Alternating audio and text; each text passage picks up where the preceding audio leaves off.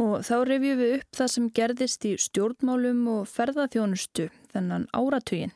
Stjórnmálaprófessor segir að þessi áratugur hafi einkennst af mjög miklu vantrausti. Algjör um pólun hafi orðið í íslenskum stjórnmálum sem hafi litast af því að mennsju að vinna sig út úr hruninu mikla. Það má kannski segja að uh, krísan hafi orðið miklu meiri á einu pólitiska sviði heldur en á öfnagasviðinu út úr hruninu svo kallaða og við sjáum að uh, stjórnmálaflokkarnir hafa Um, átti miklu mervileikum með að ná til að mynda bara fyrir styrk og uh, trösti almennings í sinn garð. Uh, hefur, þessi áratugur hefur einnkenst af mjög miklu vantrösti uh, í, garð, bara í garð stjórnmála lífsins í heilsinni og í garð stjórnmála flokkana og þetta hefur við séð til að mynda í því að ríkistjórnir hafa bara mjög erfitt með að lifa af kjörtímabilin, við höfum kosið óvanalega oft uh, á þessum uh, áratug uh, en það má kannski segja að allra senustu árum hafi komið svona ákveðin rói yfir á nýjanleika. Segir Eiríkur Bergmann, stjórnmálaprófessor við háskólan á Bifröst. Þennan áratöku hafa fimm ríkistjórnir setið við völd og það hefur verið kosið fjórum sinnum. Tvær ríkistjórnir hafa ekki setið út í kjörtumabilið. Eirikur segir að svo verið sem fjórflokkurinn hafi misti yfirbörastöðu sín á þessum áratug. Hann hafi gegnum tíðina geta treysta og samanlagt fylgja á bylunu 80 til 90% og skipst á að sitja við völd. Þetta er gjör breytt. Nún eru átta flokkar inn á alþingi sem er algjört met. Eh, í senustu kannun mældust nýju flokkar inn á þingi.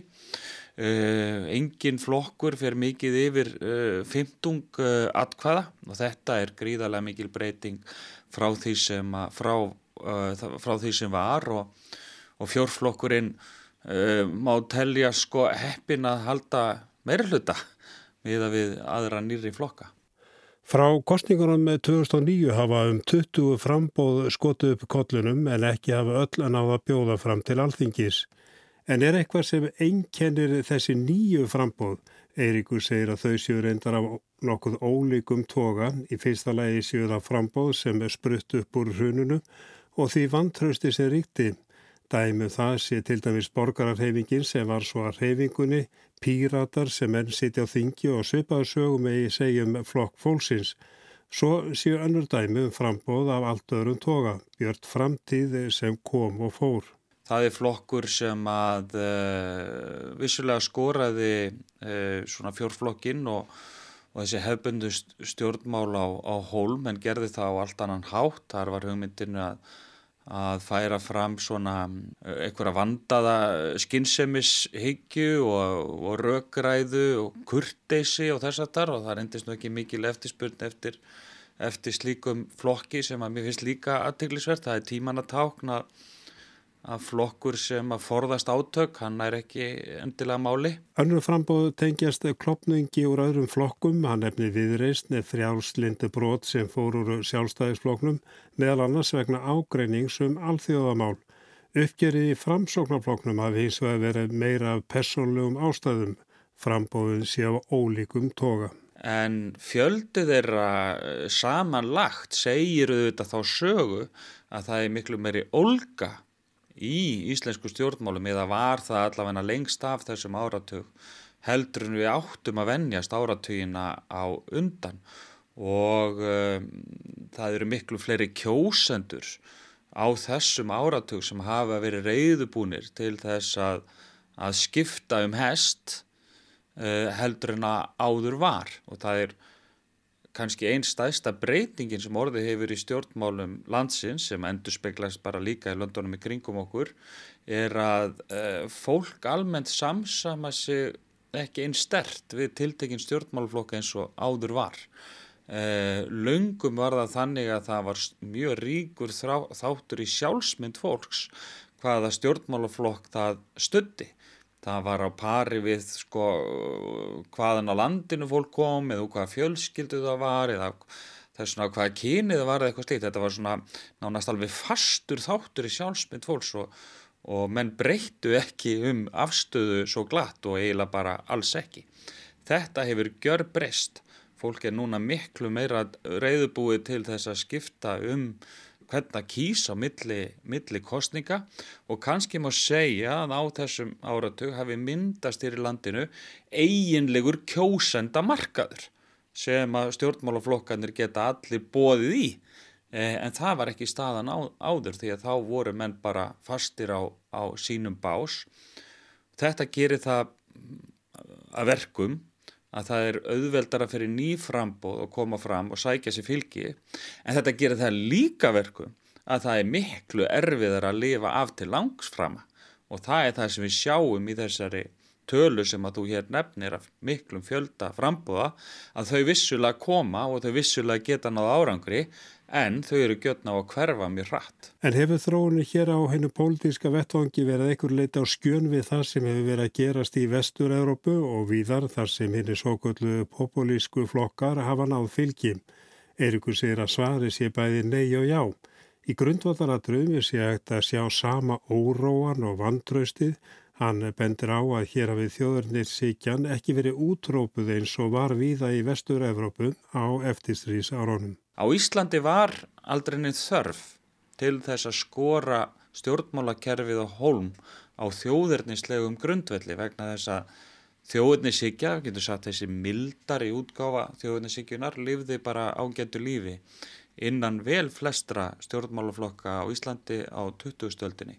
Nú í öðru lagi að þá hafa þessir flokkar í Evrópu engum og sérilagi náð árangri þegar þeir hafa stilt sér upp í andstöðu við innflytjendur. Aðalega við innflytjendur frá Norður Af eh, Afríku og Miðaustulöndum gegn þessu múslima samfélögum sem við þekkjum við það í Evrópu. En á Íslandi er líka annað sérkenni sem að er það að samsetning innflytjenda hér er með alltur um hætti. Hér eru engin muslima samfélög, það er hvergi til það hverfi á Íslandi sem ber svipmót af miðausturlöndum og þrátt fyrir allt þá getur verið erfitt að vera fyrst og fremst í andstöðu við eitthvað sem ekki til. Og í þriðja lagi má kannski segja að uh, þessi flokkar í Európu hafa yfirleitt allt annað máli þegar fyrir þeim hefur farið karismatískur öflugur leiðtogi og, og slíkan hefur við kannski ekki séð akkurat á þessum kanti á Íslandi. Hins vegar eru hérna flokkar sem að eh, sumir hafa flokkað sem svona hálf populíska allavega á sikkorum endanum.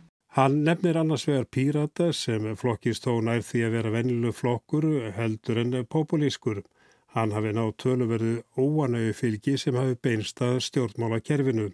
Svo hafi miðflokkurinn tekið miklu skýrari þjóðrindislega stefnu. Heldur en við höfum áður séð í íslensku stjórnmálaflokkum með tákmyndum sem að vísa beintið í þjóðin og svo framvegis. Ég myndi líka segja að hann var líkari venjulegu meginströmsflokki heldur en klassiskum populískum flokki en þjóðetinsíkjan er þar mjög skýr. Þannig að þráttur að byrtingamyndin hjá Íslandi sé kannski öðruvísi eh, heldur en víðast hvar í kringum okkur að þá sjáum við nákvæmlega sömu öll eh, að verki en þau bara koma fram með aðurs öðrum hætti. Þetta var Eirikur Bergmann, Arnar Páll Haugsson talaði við hann. Við fundum kósi íbúð á Airbnb og tókum Uber frá flugvellunum. Við fórum í túr með ferðarskrifstofu sem með 4,5 á TripAdvisor. Þetta var æðislegu dagur, skoðaði bara stóriðið mitt á Insta. Næsta dag fórum við í glamping eða svona glæsilegu, sváum í mongólsku tjaldi í algjöru kyrð, fórum í skóarbað og náðum alveg að kjarn okkur. Fyrir tíu árum hefði þessi skáldaða ferðalýsing verið íll skiljanleg. Hjallastefnu börn kjörnuðu sig en aðrir gerðu líklega minna því. Airbnb var sprótafyrirtæki í Silikondal stopnað af ungum mönnum sem að upphálega vildu dríja dabrar tekjur með því að leifa ókunnugu fólki að sofa á uppblásinni dínu í stofunni hjá þeim. Fæstir höfðu heyrt um Uber skullþjónustuna, Instagram var ekki til og ef markam á vefin tímaritt.is byrtist orðið deilihagkerfi fyrst á prenti á Íslandi árið 2014. Hvernig hefur áratugurinn sem nú er að líðundi lók breytt ferðarþjónustunni og hvaða breytinga er að vænta á næstu tíu árum? Já, ég heiti Kristófer Ólauðsson og ég er frangaldastjóri fyrir Center Hotels, hótelkefna hérna í miðborginni. Þú er búin að vera lengi í bransanum? Já, ég er búin að vera ja, 25 ár og, og við hjóninn. Ef þú hugsa nú bara tíu ár aftur í tíman. Ef við segjum bara að Kristófer í dag ætti fund með Kristófer þá og ætti að segja honum eitthvað svona hvað var í vændum. Hvað myndur þú segja sjálfum þér að þessi áratugur sem nú er að ljúka myndi byrja í skauti sér? Já, það, ég myndi náttúrulega varan við sko að Airbnb þróunni því að hún kom mjög óvænt. Á þeim tíma gæt maður séð nokkur veginn, hótel voru fjögur-fimm ári uppbyggingu, maður gæti rekna nákvæmlega út hvað var að koma að markaðin en, en e, allt í einu voru komunar þúsundir íbúða í beina samkeppni við hótelin sem að gjör breyttu markastöðunni og svo á þessum árum var náttúrulega Expedia og Booking og það svona að gera sér gildandi og mjög hröð þróun í því. Og það breytti verulega myndinni því að áður voru það þessar stóru keðjur, Hilton, Marriott og aðri sem að, ég hvað ég var að segja, réður svolítið allþjóðamarkaðnum þessar, keðju, þess, þessar bókunarvélari eða þessi fyrirtæki eins og Booking og Expedia og fleiri e, gerðu það verkum að hver bóndabærgat í raun og veru farið á allþjóðamarkað svo lesa að þetta voru gríðarlega breytingar í kjölfarið Kristófer segir það að mörguleiti jákvægt að öll fyrirtæki komist á alþjóðamarkað og mörgum finnist bókunar síðunar taka og mikið fyrir sinn snúð. Það gildi þó svo sem ferðaskrifstofu líka. En eh, Airbnb og þessi íbúðagisting hefur verið mjög erfið breyting og, og því miður lítið eh, skilningur á hversu alvarlegt það er og, og hversu raun og veru vittlust það er að leggja eh, stóra fleiri hektara í miðborginni hér og viðar þetta raskar svo mikið samfélaginu þessi, þessi breyting sem hefur orðið þar. Upphálega snýrist Airbnb um það að kynnast samfélaginu betur, ferðamenn dvöldu og heimili fólks inn í hverfum.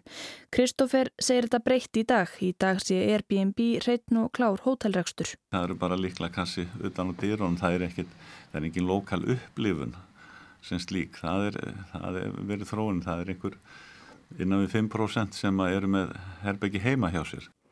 Já, liklabóksinn skutu við upp kollinum síðastliðin áratug. Sofía Kristín Þórðardóttir, forstuðum aður ferðalösna hjá Origo, talar um áratug deilegagkerfisins. Airbnb hefur algjörlega náð hæstu hæðum og fullt af vefsíðum sem eru sambarlegar, hvort sem það snúa bílalegum eða camping eða glamping eða couchsurfing og svo má lengi talja. Hótelin hafa bröðust við með því að leggja meiri áherslu á að skapa stemmingu. Eh, með veitikastöðum, kaffúsum og einhverjum svona eftirsoknaverðum svæðum fyrir lokal fólk til þess að heimsækja til að gera upplöfuna áhugaverða inn á, á hótelónum. Annað sem að hefur breyst, samfélagsmiðlar hafa sprungið út á síðustu tíu árum. Í dag fer markasætning Center Hotels til dæmis aðalega fram þar. Sofía Kristín segir að þegar hort sér til ferðamannana sjálfra hafi samfélagsmiðlarnir breytt öllu. Hátt í 40% ferðamanna segist í dag hafa fengið hugmyndina að því að fara í ferðalagið á samfélagsmiðlum. Myndirnar sem að kunningiðinn sett inn frá Marokko, Vestfjörðum eða Asureyjum planta fræjum. Einstakir staðir í náttúrunni er að söksa fjórnir bein söluvara. Kirkjufell á Snæfellsnesi er gott dæmi. Hótel reyna líka að nýta sér samfélagsmiðla. Hvernig þau geta gert sína staði, sín hótel, áhugaverð og eftirsóknarverð og búa til þessi Instagram moment. Hvað er það á hóteli? Instagram moment á hóteli er kannski þegar hóteli er búið að setja upp eitthvað skúltúr eða eitthvað upplifun eða eitthvað í sinni mótöku sem að viðstafinu finnst áhugavert að taka mynda sér með. Af því að það skapar ákveð umtal og á e, samfélagsmiðlunum um það hótel og vekur þannig aðtikla á hótelinu. Þannig að búa til þessi Instagram moment, þessi augnablík sem eru þess virði að deila á Instagram er fyrir að skipta máli fyrir ferðarhaldstufyrirtæki. Umsagnir á bókunarsýðum hafa líka orðið mikilvægri á síðustu tíu árum. Það má segja að stjórnugjöfin sem slík hún er, var mjög mikilvæg og er í sjálfu sem mjög mikilvæg að hverti ferðarskriðstofum og ymsum hópum en nú hefur komið eins og allir þekkja TripAdvisor og Google og fleiri sem að þú gefur engunir og það er, jafnvel, það er ekki orðið síður mikilvægt heldur en stjórnugjöfin að skora vel þar segir Kristófer hjá Center Hotels. Samgefnin er hörð og einn slæm umsögn getur fælt frá. Fólk velur sér ekki dvalastæði eða þjónustæðala nema að vera búið að skoða hvernig aðrir hafa upplöðað þjónustæðis aðla og þess vegna skiptir mjög miklu máli að hafa góðar umsögnir og svona fá margar stjörnur á síðum eins og TripAdvisor. Umsagnirnar eru líka líkil forsenda í deilahagkjörunu, eins konar trygging. Þú þorir að gista á heimili einhvers eða stíg upp í bíl með einhverjum því hann fær háa engun eða góða umsögn. Google leitarvélinn hefur nú verið að gera sig breyðari á þessu sviði og svo þróun á eftir að halda áfram að sög Sofju. Þriðja stóra breytingin sem að Sofja nefnir á eftir deilihagkerfinu og samfélagsmiðla sprengingunni er tæknivæðing í rekstri, ný bókunarkerfi og aukin sjálfsafgreðsla. Við höfum séð bara hvernig flugvill, flugvillir hafa stórkoslega breyst í þá veru að fólk bara nánast gerir allt sjálf, sjálft og hérna, allt frá innréttunni að skila töskunni og hótelin eru auknum mæla að byrja að gera þetta núna viðstafinu getur innrita sér sjálfurinn á hótelið og fengið aðganga líklinum og jafnvel bara farið beint upp að herbyggja án þess að þurfa að mæta nokkru starfsmann í hótelsins. Hún segir að ferðamenn gleðjist yfir því að sleppa við raðirnar, fjárfestingarnar geti verið dýrar fyrir fyrirtækin en þær skilir sér til lengri tíma litið. Það eru nöðsynlegar vegna þess að allur heimurinn stefnir þangað og, öll, og, og þau fyrirtæki sem standa sig hvað best þau innleiða þessar breytingar raðar Í ferðarþjónustun á Íslandi hefur áratugurinn litast af miklum vexti.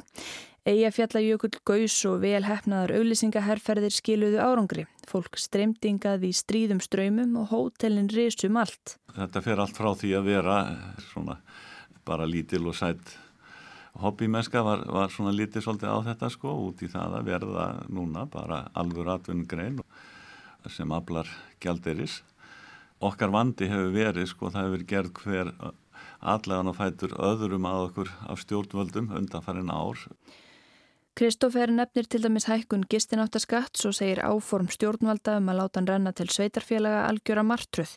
Hann segir hótelin tilbúin að greiða til samfélagsins en vill að þau sitja við sama borð og aðrir að heima gistingin og skemmtiferðarskipin sem hann kallar einfallega hótelskip fá ekki að sleppa við leifi og gjöld sem hótelin þurfa að greiða. Deilahagkjörfi er klárlega komið til að vera. Fólk bara kallar eftir annars konar upplöfun heldur en til að mynda bara gista hótelum.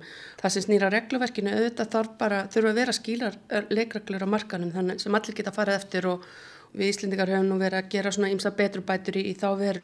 Það er samdráttur í ferðarþjónustunni. Kristófer er nýbúin að opna nýtt hótel í miðborg Reykjavíkur og opnar nýtt út á Granda á næsta ári samtalsum 300 herbergi. Er hann björnsitt? Gengur heimagistingin kannski af hótelunum döðum á næsta árum? Jú, ég held nú að, að, að við náum nú fyrir rest eirum manna með þetta og restarinn hverju verður gert heilbyrjaðara en auðvitað það munu einhver hótel verað undir.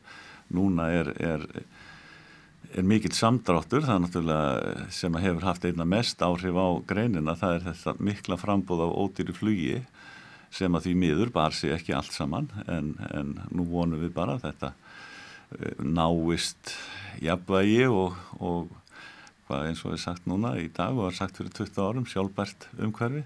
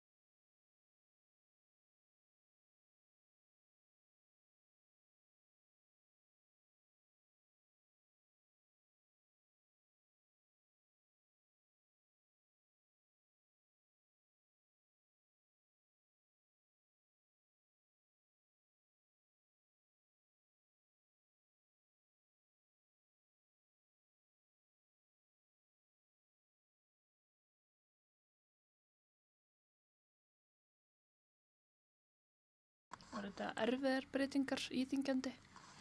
Mm, sko, það má segja það að öll fyrirtæki komst á alþjóðamarkað var, var eh, mörguleiti ákvætt.